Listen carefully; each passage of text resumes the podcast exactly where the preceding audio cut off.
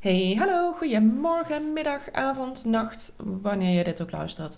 Welkom weer bij een nieuwe aflevering van de Socialist podcast. Mijn naam is Sanne Rijmakers en ik neem je mee in de wondere wereld van content marketing, van Pinterest marketing, van social media marketing. Nou ja, weet je, er zijn zoveel vormen van marketing en I love them bijna al. Dus ik, uh, ik neem jou lekker mee.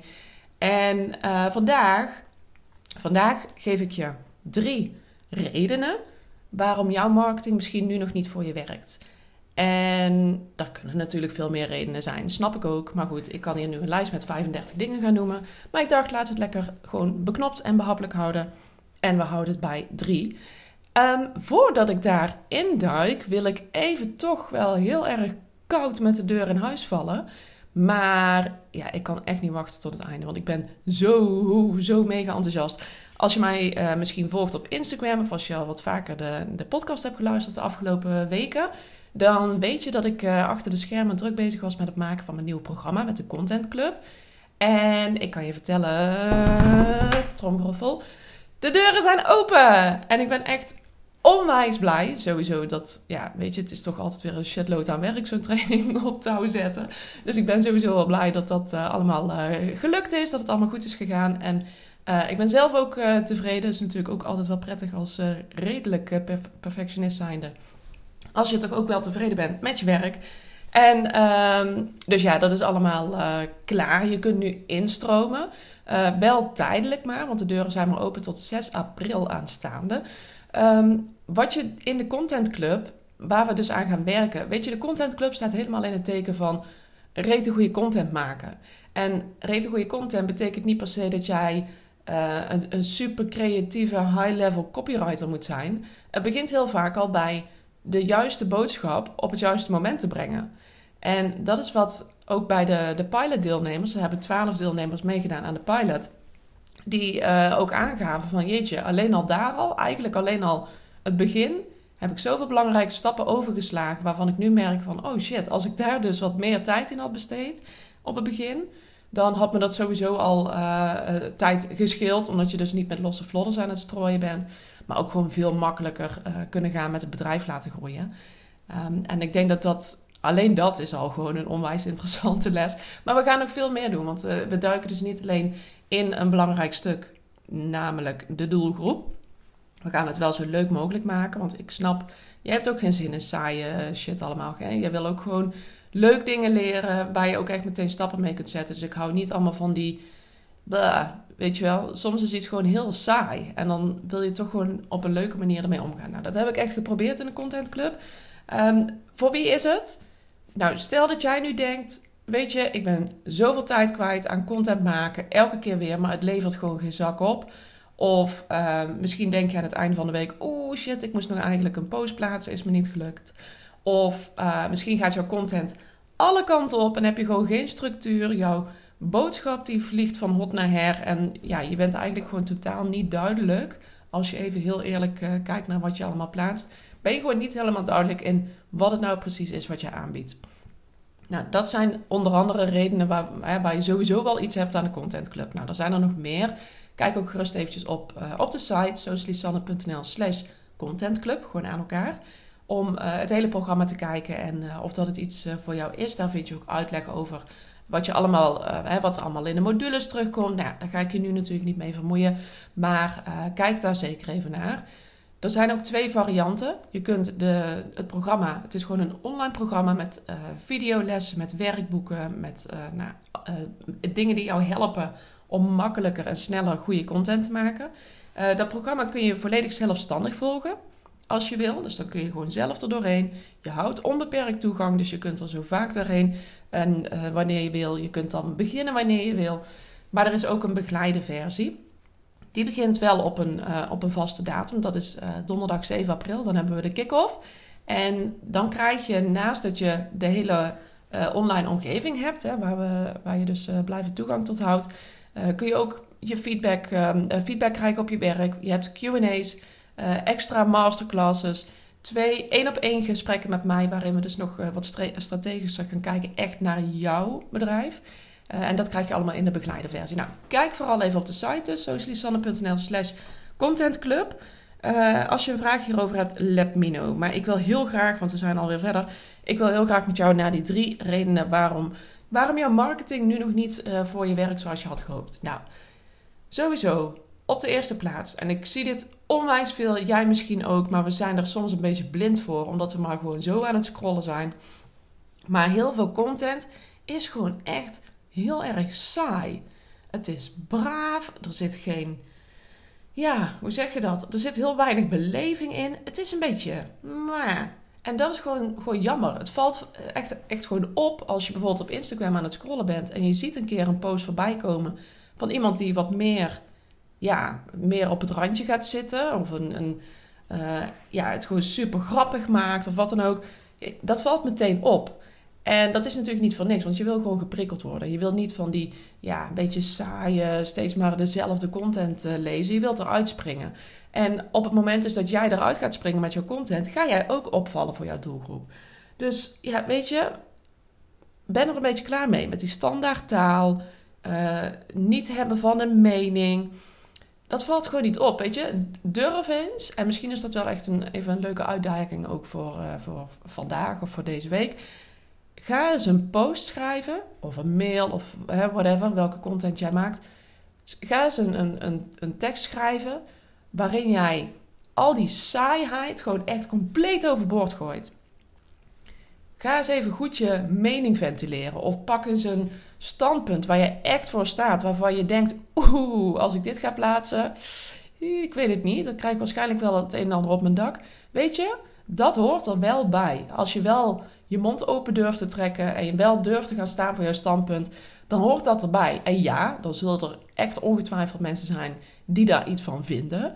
Maar aan de andere kant, scheid aan, want jij kunt wel hier ook weer een nieuwe doelgroep mee aanboren. En dat is natuurlijk gewoon interessant. Dus bekijk het vooral vanaf de positieve kant en niet vanaf de oei, wat stel je voor dat er iemand er iets van vindt. Dus durf die saaie, die saaie teksten overboord te gooien. En uh, stap een beetje van die standaardtaal af. Dus dat is één, hè? veel saaie content delen. Een andere reden waarom jouw content nu niet voor je merkt, werkt, is omdat je misschien heel veel gebruik maakt van clichétaal. En clichétaal is bijvoorbeeld als je zegt van nou, dit, dit uh, het product dat past bij jou. Of uh, ik ben een specialist in, nou noem maar op. Of dit product of dit programma voor een beter leven.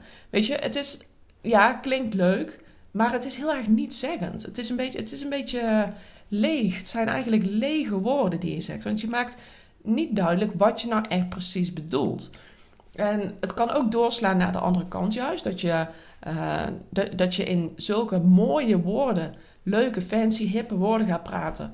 Dat het voor jou heel duidelijk is wat je bedoelt. Maar waarvan jouw doelgroep echt denkt: waar de fuck heb je het over? Ik snap echt geen, geen, geen bal van wat je nu zegt. Dus ben gewoon duidelijk, maar voorkom dat je van die holle woorden eigenlijk gaat gebruiken. Dus uh, toets dat ook eventueel gewoon. Hè? Ga eens gewoon vragen aan een paar mensen, van, uh, het liefst die ook binnen jouw doelgroep passen.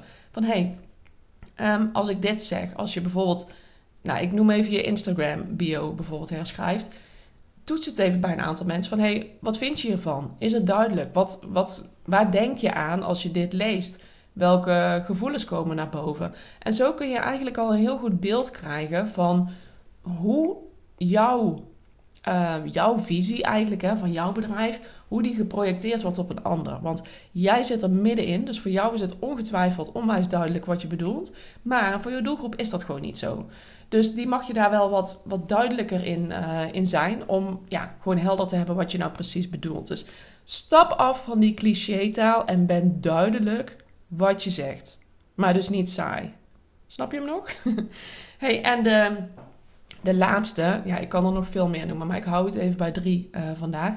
De laatste is dat het niet duidelijk is voor wie je er bent, maar vooral uh, dat jij niet voldoende inspeelt op de behoeften van jouw doelgroep. En mocht jij mijn mailings ontvangen, dan heb je hier deze week ook van mij een mail over uh, ontvangen. Dat um, elke keer als er een reclame op tv komt, en ik dacht eerst eventjes dat het alleen voor Specsavers was, maar toen ging ik kijken en toen zag ik eigenlijk nog veel meer uh, aanbieders van, van uh, gehoorapparaten, gaat het in dit geval over. elke keer als ik zo'n reclame op televisie zie, dan gaan echt mijn nekharen overeind staan. Omdat ik denk, ik vind het zo zonde. Ze laten zoveel kansen liggen. Ik vind het zo jammer. En ik neem even mee, mocht je mijn mail natuurlijk niet hebben gelezen. Nou, in die mail geef ik eigenlijk aan dat uh, op het moment dat zo'n reclame op tv komt, dan begint Rick, mijn man, die, oh, die, die, die zit al met zijn, met zijn handen over zijn oren. Want die weet dat ik daar gewoon iets van vind. En dat ik daar weer iets over moet uh, gaan zitten zeiken. Uh, want weet je wat het is? Gehoorapparaat hebben we het nu dan even over. Hè? Wie dragen gehoorapparaten? Nou, op zich lijkt me dat niet een hele moeilijke vraag. Uh, het is vaak natuurlijk mensen die slechthorend zijn.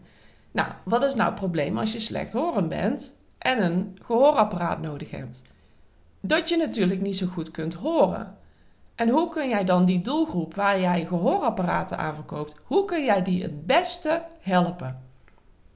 Dat is niet door te zeggen hoe uh, hoe klein het gehoorapparaatje is. Dat je ermee kunt bellen, dat je ermee uh, kunt streamen met Spotify en dat die zo mooi is en whatever. Ja, dat is leuk, dat is bijzaak. Maar als jij die boodschap al niet duidelijk over kunt brengen op die doelgroep, dan hebben die, al die extra features ook geen zin. Dus ik, en ik, ik merk nu ook, ik denk echt, waarom doen ze dit niet? Waarom is een bedrijf als, nou ja, ik zeg even Specsavers, beter horen, whatever, ik weet het allemaal niet. Uh, ik, ben niet ik ben zelf geen gehoorapparaatgebruiker, dus ik ben er niet helemaal in thuis wie dat allemaal zijn. Maar waarom spelen zij niet genoeg in op die behoeften van die doelgroep door heel simpel zo'n reclame te ondertitelen? Ik, ik snap dat echt niet. En dan denk ik, ja, weet je, het is zo makkelijk om even een ondertiteling bij een reclame. En dan kun je denken van ja, maar dat doet toch geen, geen ene reclame? Juist dan, want juist jij weet dan dus wel als aanbieder van gehoorapparaten, hey, ik kan mijn doelgroep hiermee helpen. Zij zijn slechthorend. Zij willen ook wel waarschijnlijk weten wat er in zo'n uh, commercial gezegd wordt. Ondertitelen dan. Het is super simpel. En het zorgt er wel voor dat jij heel direct de doelgroep die jij wil bereiken, dat je die ook echt, echt goed bereikt. En dat je eruit springt omdat jij dus wel als een van de weinige tv-commercial ondertitelt. Nou, weet je, dit is even een voorbeeld. En ik verwacht niet dat jij televisiecommercials uh, draait. Maar probeer dit eens te projecteren op jouw eigen doelgroep. Hè? Wat, wat is het nou echt wat jouw doelgroep nodig heeft? Wat zijn bepaalde kenmerken? Bijvoorbeeld hè, eh, de doelgroep voor gehoorapparaten. Nou, kenmerken is dat zij natuurlijk slecht horen. Dus dat zij uh, waarschijnlijk erg geholpen zijn met ondertiteling. Nou, ga nu eens voor jezelf na.